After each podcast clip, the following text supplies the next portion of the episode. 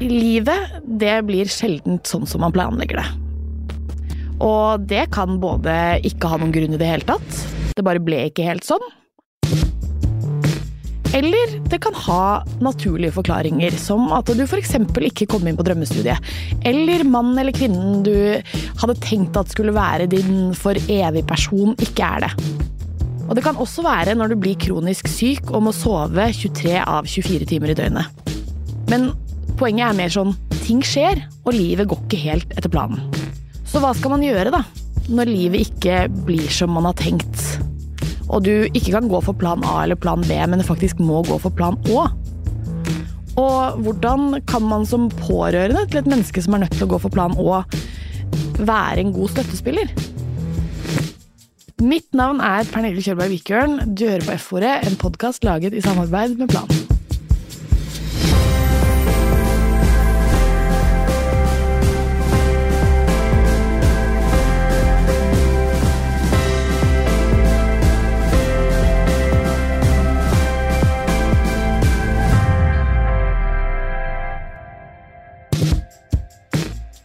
Dagens gjest er 21 år gamle Marie Murby. Så jeg tar jo tiden iblant og liksom tenker sånn fy faen, altså, livet suger dritt. Men da tar jeg for hva det er da, får det ut, og så går jeg videre.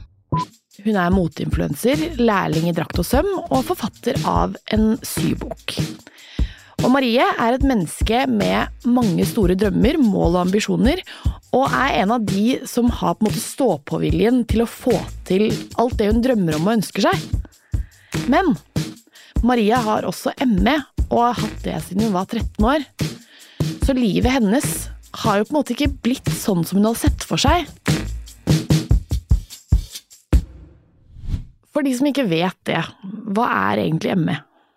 Jeg syns jo at det å skulle forklare ME er jo det er en ganske sånn omfattende sykdom. Det er liksom Det er på en måte ikke bare noen symptomer, eh, men det er jo også individuelt for alle. Men jeg vil jo si at hovedfaktoren for ME er på en måte utmattelse. Mm. Eh, og så kan jo mange da tenke sånn å herregud, utmattelse, du kan, ikke- det kan jo ikke være så sliten. Det er jo bare å, å sove noen dager, og så er det bra igjen. Men det er liksom en utmattelse uten like. Jeg Ja. trodde jo ikke på det selv da jeg fikk diagnosen heller. Jeg tenkte bare herregud, være så sliten at man ikke kan gå opp av senga. Ja. Det, det gir jo ikke noe mening. Ingen vil det. Nei, nei. Og så føles det liksom sånn når man bare hører, eh, eller sånn hvis man ikke har vært i eh, de skoene, på en måte, så er det sånn, men alle klarer jo, ikke sant? Og det har jo du sikkert hørt 72 ganger, 72 000 ganger, men det er ikke nødvendigvis en fakta, liksom. Nei, ikke i det hele tatt. Jeg husker jo liksom at da jeg fikk det selv, så kunne jeg ingenting. Jeg hadde jo masse fordommer mot den selv, og Mm. da var det jo jeg som var syk selv. Det er jo så lett for at andre friske mennesker kan ha fordommer mot syke, Mm. men det er ofte at mange syke har fordommer mot seg selv og sykdommen sin òg, Ja, jeg, altså jeg husker at eh, jeg liksom forsto ikke sånn eh, fatigue eller utmattelse eh, før en veldig nær venninne av meg fikk MS. Og en av hennes på en måte primærsymptomer på det har vært eh, fatigue. Eh, og da bare er det sånn det er, liksom, det, er ikke som at, altså sånn, det er ikke det at jeg har lyst til å ligge i senga hele dagen, eller sånn som hun sier det. det er ikke det at jeg har lyst til å gjøre det, det er det at det, når jeg prøver å reise meg, så klarer jeg det ikke. Nei. Eh, og det var bare sånn, en, sånn for meg, bare sånn, jeg har tenkt det, liksom. Altså sånn åpenbart er ikke det et ønske man har. Mm. Men eh, hvordan, du var 13 år da du fant ut at du hadde, eller 14? Ja. Hvordan fant du det ut da? Um, det er jo veldig sånn forskjellig hvordan folk eh, får dette. Men, Men jeg fikk jo kyssesyken først, så for min del så starta det med at jeg fikk en skikkelig, skikkelig sånn hard influensa. ja.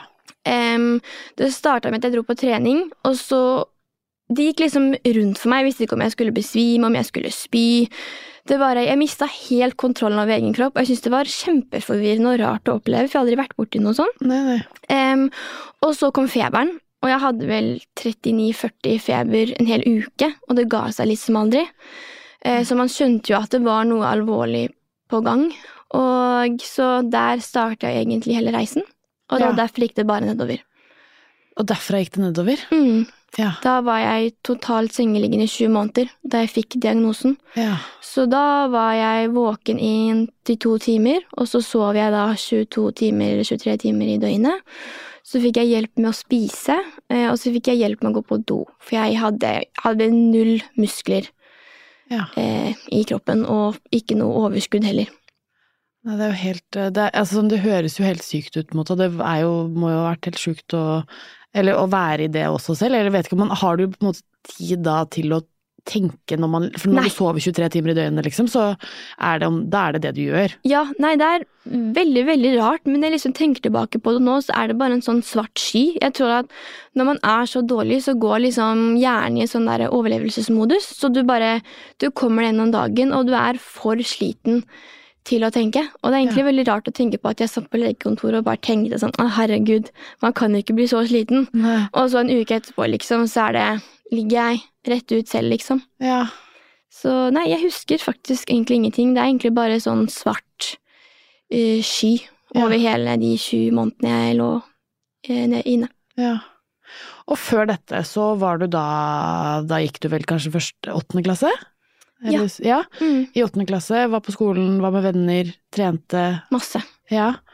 Eh, og så endrer det seg Drastisk. drastisk. Hvordan, altså, hvordan har det vært? Ungdomsårene er så viktige år for liksom utviklingen av en selv. Mm. Og man går glipp av så ufattelig mye eh, når man er syk, for man blir liksom fengsla i egen kropp. Og så er du så ung, så du skjønner jo egentlig ikke hva som skjer heller. Og hva konsekvensen er, kanskje? Nei. at når du er voksen, så har du på en måte fått levd ditt liv og vokst opp nok til at du på en måte ser konsekvenser, og du ser liksom hva det er, da. Men når du Mm. er så ung, så, så skjønner du egentlig ikke hva som skjer foran øya dine. Nei. Jeg så jo i en, en post du har skrevet på Instagram, eh, der det var en liksom sånn omtrent en sånn oppsummering. Syv ting du har lært, eller noe, eller en Mm. liste over ting du hadde lært med syv, etter syv år som kronisk syk. Um, og en av de tingene der er eh, du har lært deg å fokusere på det du kan kontrollere. Ja. Hva kan man kontrollere? Eh, jeg tror også det er på en måte sånn evig nirvana å finne ut av for en som er syk. Mm. Fordi at eh, det alle syke vil, er egentlig bare å være frisk. Man blir jo desperat. Man vil, man vil jo så gjerne bli frisk igjen og være normal og gjøre som alle andre. Og da vil gjerne klare å kontrollere alt, men som man selv skjønner som syk, så, så kan du ikke kontrollere alt. Du kan ikke kontrollere om du blir verre, du kan ikke kontrollere om du blir bedre. I hvert fall med ME, som er en sykdom hvor det ikke finnes noe medisinering på. Em, og jeg har brukt så mange år på å liksom finne veien til dette spørsmålet og prøvd å kontrollere ting jeg ikke kan. Eh, men når man da på en måte skjønner at det du kan kontrollere, gjør du noe med, og det du ikke kan, kan du ikke gjøre noe med. Nei. Og da får man liksom en ro inni seg selv, fordi at eh, man driver jo egentlig en sånn indre kamp med seg selv hvor man prøver å finne ut av å herregud, ok, det funka ikke, da prøver jeg det. Og så prøver du yoga, og så er det alle som skal si sin mening på hvordan du skal bli frisk. Og så tar du til deg det, fordi at du vil jo bare bli frisk, men så blir du bare enda verre av det. Mm. Og da blir du desperat, og så du blir jo helt nedbrytt av å skulle prøve å kontrollere alt fordi man blir så desperat. Mm. Um, så ved å på en måte bare gi slipp på kontrollen og heller fokusere på det man kan, tror jeg er en sånn veldig viktig livserfaring for en som er syk. Ja, det tror jeg egentlig er viktig for flere, da. Å liksom bare Ja. lære seg å slippe. Fordi alt Ingen mennesker kan kontrollere Nei. alt uansett. Nei, absolutt. Å lære seg å slippe dem, det er på en måte lettere sagt enn gjort, da. Ja, ja, absolutt. Um, så det er liksom en sånn veldig fin livsvisdom å ta med seg. Mm. Em, for liksom, du kan ikke kontrollere hvordan andre ser på deg. Du Nei. kan ikke kontrollere hva slags meninger folk har om deg, eller hva de syns, eller Ja, du kan mm. ikke kontrollere hva andre folk gjør, og jeg tror at når man finner roa med det, så vil man få et mye bedre liv. I hvert fall som kronisk syk, men det gjelder jo folk generelt. Ja. Men når man er syk, så er man jo så ofte fengsla i sitt eget hjem og sin egen kropp, og man får veldig mange timer å tenke på på grunn av denne ensomheten, og jeg tror at ved på en måte gi slipp på den og heller tenke at jeg gjør mitt, og de lever sitt, så tror jeg at man får det mye bedre ved seg selv. ja. Har du noen tips til hvordan eh, Fordi jeg tror jo veldig mange av oss prøver å kontrollere Passe på at folk ser på meg på riktig måte, men så har jo ikke jeg noe kontroll over at det, ok, om enten så syns du jeg er hyggelig, eller så syns du ikke, og så kan jo jeg selvfølgelig prøve å være hyggelig, det er ikke det. Nei, nei. Men sånn, eh, noen kommer bare til å ha noen tanker om meg uansett, da. Som jeg ikke kan kontrollere, verken til det positive eller negative, egentlig. Mhm. Men det å liksom klare å slippe det, Ja. er jo veldig vanskelig. Ja, Selv for alle, liksom. Men har du noen tips til hvordan kanskje Ja, noen, andre kunne gjort det? Eller sånn man, hva du har gjort? Jeg tror mye er med at de riktige menneskene vil være i livet ditt, så det blir feil å skulle prøve å, å tvinge og holde på fast folk i, i livet ditt, fordi at folk som vil være i livet ditt, er i livet ditt, og jeg Mm. tenker at hvis det er noe du må jobbe for, så sier jo det egentlig seg selv. Da er det jo på en måte egentlig en du ikke trenger å ha i livet ditt, og jeg tror at man, man blir så desperat, og at man vil så gjerne ha den ene, eller ha venner, eller ha mange rundt seg, og så klarer man ikke helt selv da å se at, man kanskje, at den kanskje ikke gjør deg noe godt, da. Nei, nei. Eh, og det tror jeg er en ganske sånn fin ting å tenke på, at hvis du føler at det er et strev, og at du sitter og bekymrer deg hele tiden, at sånn Hvis du spør om å møtes, da, og så sier du nei, og hvis du da sitter og tenker på åh, nå kommer de ikke til å spørre meg igjen, åh, nå, hva hvis, hva om, da er det ikke riktige mennesker. Nei. Og det kan være vondt å gi slipp, men det er mye bedre å gi slipp på folk, og heller tenke på at de riktige kommer til sin tid, og de riktige er der uansett. Mm. Er du kjempedårlig en periode, så, så forsvinner ikke de. Ja, og stole på det at eh, de rette menneskene ikke forsvinner, kanskje. Mm. Mm. Så på en måte bare stole på seg selv, at liksom jeg er bra nok, Mm. og heldig de som får være venn med meg, og de som ikke vil, det, da vil jeg ikke ha dem her lenger Nei. uansett. Rett og slett. Så deilig forfriskende og bare sånn så heldige de er som får lov til å være venn med meg. Det elsker jeg. Takk. Og I den posten så skriver du også eh, at du skylder ikke noen en unnskyldning. Mm. Hva mener du med det?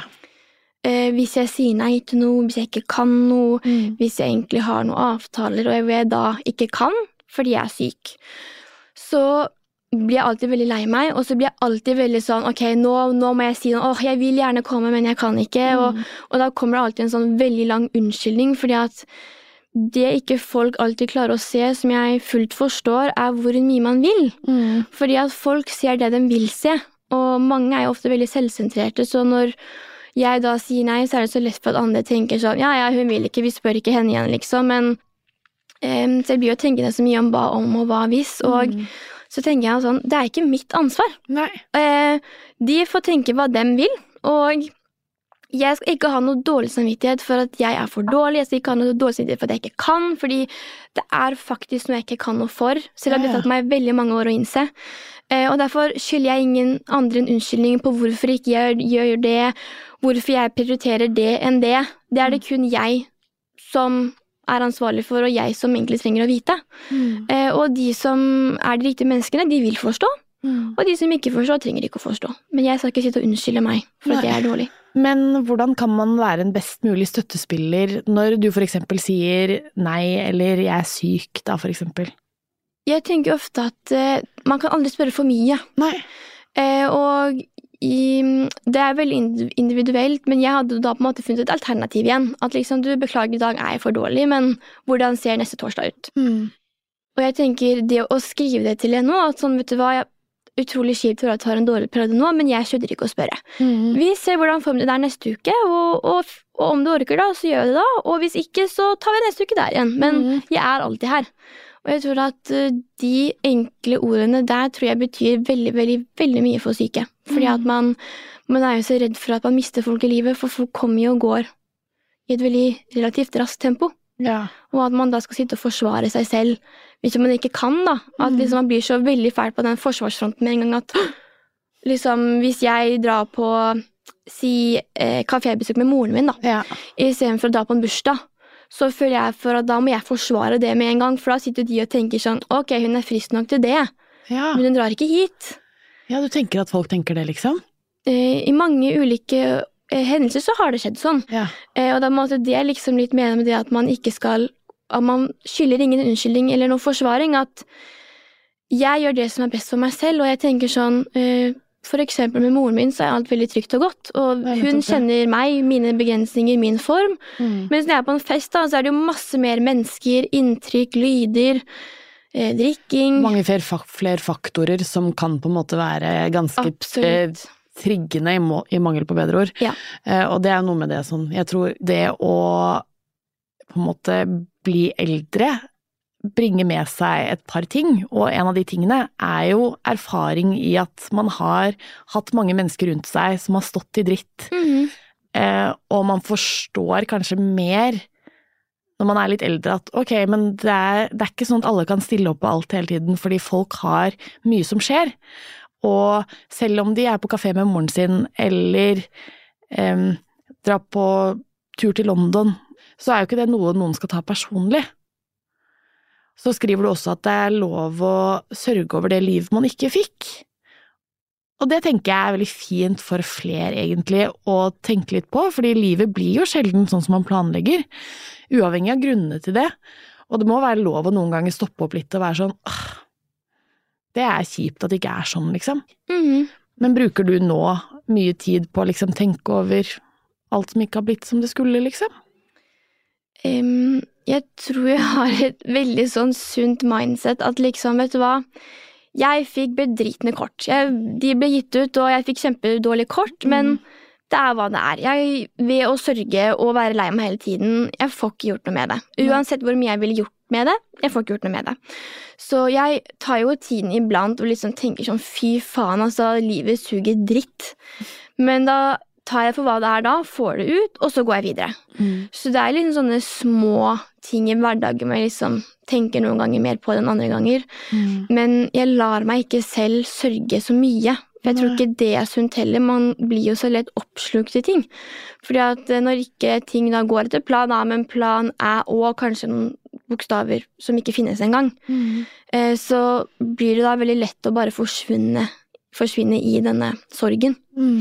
Em, så jeg er liksom Jeg tenker jo hva, hvordan hadde Friske-Marie vært? Jeg hadde vært i England. Jeg hadde, vært og, jeg hadde studert i England og studert mote der og gønna på sikkert hatt fem bedrifter for all del og jeg hadde vært et helt annet sted. Jeg hadde jo bodd i egen hybel sikkert om jeg hadde bodd eh, i Norge. Um, jeg hadde jo fulgt drømmen min, jeg hadde jo trent hver dag. Og den kan være veldig vond å føle på, Mm. fordi at eh, det er jo drømmer som på en måte fremdeles er der, og for friske så kan man jo. Det er på en måte aldri for sent. Det er, det er ofte et sånt motto her at det er aldri for sent å starte. Men for syke så er det på en måte du har et helt annet utgangspunkt, og det er så vondt, for det går liksom aldri på viljen eller penger eller hvor du er med status, men, men det går liksom på at kroppen er faktisk ikke i stand. Så uansett hvor mye du prøver å tilrettelegge, så bare går det ikke. Og den syns jeg er veldig vond å tenke på at eh, broren min, han er ett år yngre, han flytta ut eh, i hø høstes. Og jeg har liksom alltid tenkt at jeg var den første til å flytte ut. Du skal være liksom den, eh, den som på en måte skal, eller går stien opp, liksom? Ja, ja, ja. Mm. Flytter ut og blir selvstendig og, og liksom flytte i et kollektiv for all del og liksom bare starte livet, da. Mm. Eh, men så ble det jo ikke sånn, og, og det er sånne ting jeg merker er veldig trist, og hvor mye sykdom egentlig begrenser meg med hvordan jeg må planlegge hverdagen, og hvor lite fleksibilitet jeg egentlig har, da. Mm. Og det tror jeg er sånn, det at ikke ting blir helt som man planlegger, selv om det selvfølgelig er veldig forskjellige faser av det, liksom, så er det jo Mm. noen som kan være et kjærlighetsbrudd, eller plutselig får man depresjon, eller plutselig så kommer man ikke inn på drømmestudiet, eller liksom Livet er uforutsigbart. kan-. Livet er uforutsigbart, liksom. Sånn, man, den planen som du har sett for deg, er ikke nødvendigvis sånn Går ikke nødvendigvis alltid sammen, liksom. Um, har du lært noe som vi kan ta med oss eh, som på en måte sånn Jeg vet ikke hvordan man skal se på det når Det er veldig dumt å Når gjøre sånn. Når ting går imot Når deg. ting, ja, når ting ikke blir helt som man har planlagt, da. Ja, så jeg tenker jo at det finnes alltid en løsning. Um, Mm. At um, Det hørte jeg faktisk fra Malin Esvold. Jeg Mm. møtte henne på kafé for to-tre år siden. Og da sa hun at når én dør lukker seg, så åpner det seg nye. Mm. Og den har jeg liksom husket på helt siden at jeg alltid tenkt på at ok, dette skjedde ikke nå, men da gjør jeg det. Så jeg for eksempel kan ikke studere, eh, jeg får det ikke til, eh, og jeg får heller ikke tilrettelagt det. Ok, det går ikke for meg, men hva er løsningen? Mm. Jo, jeg kan bli lærling, for der vil den hjelpe til. Ja. Så selv om det ikke da ble plan A eh, og alt annet, så ble det en plan Å, men det er jo likevel det vi jobber med. Jeg vil Mm. jobbe med mote, og jeg får jo likevel den erfaringen, men på en helt annen måte. Mm. Og det er det jeg tenker man kan egentlig ta med seg alt i livet òg, da. At ok, det ble ikke det, men det kan fungere med det. Sånn Mm. som Jeg er jo ikke den vanlige ungdommen eh, og begynte med bachelor og sånne ting, men jeg skrev sybok, for jeg Ja. skal være kreativ, Ja, så det ble til bok. Og jeg har fått sydd til utrolig mange kule mennesker, og det hadde jeg ikke fått gjort hvis jeg hadde begynt å studere. Så det er jo utrolig mange muligheter som kommer ved andre muligheter igjen. Ja. Så selv om det ikke ble sånn som jeg så for meg, så ble det jo ganske bra for det igjen. Har jo hatt et annet liv enn hva A4 friske mennesker har hatt òg. Jeg har jo fått gjort utrolig mye morsomt. Altså sånn selv på tross av bedritende kort, eh, Ja. eller kanskje på grunn av bedritende kort, så har du på en måte Og det er jo, det berømmer jeg deg ordentlig for, da, at liksom sånn Det er jo dødskult det du har fått til, liksom. Eget merke, eh, de glitterdraktene, eh, bikinier. Ja. Ja. Sybok. Det er jo helt rått, liksom. Ja, takk. Og det er jo ikke akkurat på en måte alle 22-åringer som er sånn boom, forfatter. det, Ja. det er jo ikke liksom Nei. eh, Så jeg tenker jeg, jeg får ta med meg det jeg kan. Jeg tror bare at som syk så er det så lett å sammenligne seg selv med friske mennesker. For Ja. jeg tenker jo på, på alt det A4 jeg går glipp av. Sånn åh, nå kunne jeg ønske ønske at jeg kunne studere og være med på fadderuke, for eksempel. Eh, Men at jeg har fått til likevel veldig mye bra, men da på min måte igjen, da. Så selv om jeg ikke da er frisk og alltid vil sammenligne meg med det, så får jeg til likevel mye bra, og det tror jeg alle andre får til også. Hvis du ser på et bredere perspektiv. Ja. Men hvordan Hva kan liksom man, Alle kjenner jo noen som sliter med et eller annet, eller som har det vanskelig, eller som er syke, eller som eh, er i en vanskelig periode, liksom. Eh, hvordan er man en god venn i stormen? Det her kan jo kanskje høres litt sånn det det tvers motsatt ut, men jeg tror det er veldig sunt jeg, å møte den frykten og møte det vonde og tunge, om det enten gjelder deg selv, om det gjelder en venn. Fordi at eh, du kan tenke at livet er jo kjempelangt, og om du da bare skal flykte fra det vonde hele tiden, hva slags liv er det? Da, da får du egentlig ikke levd, og du får det heller ikke bra med verken deg selv eller med andre, fordi at livet er ja, både godt og vondt det å være der for andre kan jo være på utrolig mange måter.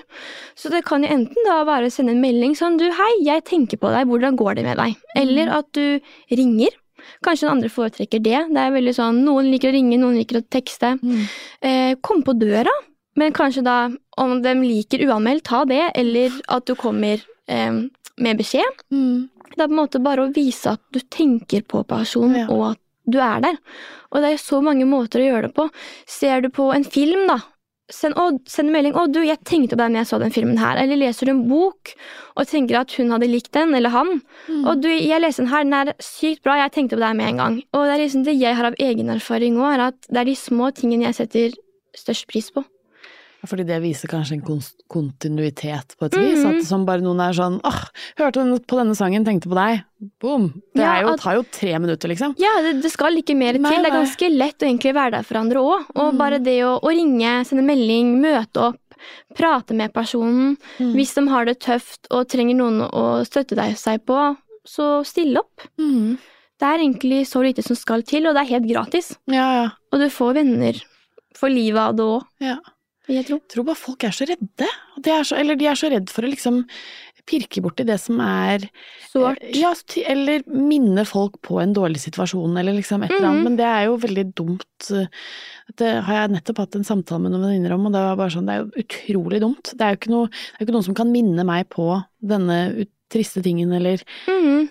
altså et, en eller annen Sånn er livet, da. Ja. Så man må på en måte bare fronte det sammen og heller være der for personen, liksom. Mm. Og mange takler jo sorg og forandringer på ulike måter, men det handler jo bare om å tilrettelegge seg den personen selv, da. Mm.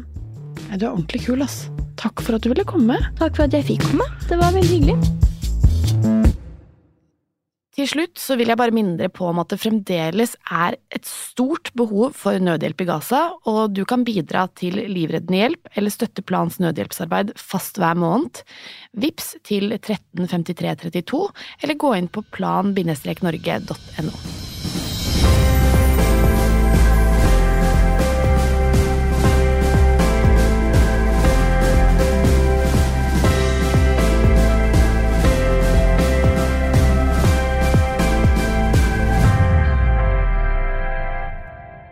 F-ordet er produsert av Monster Podcast i samarbeid med Plan International Norge.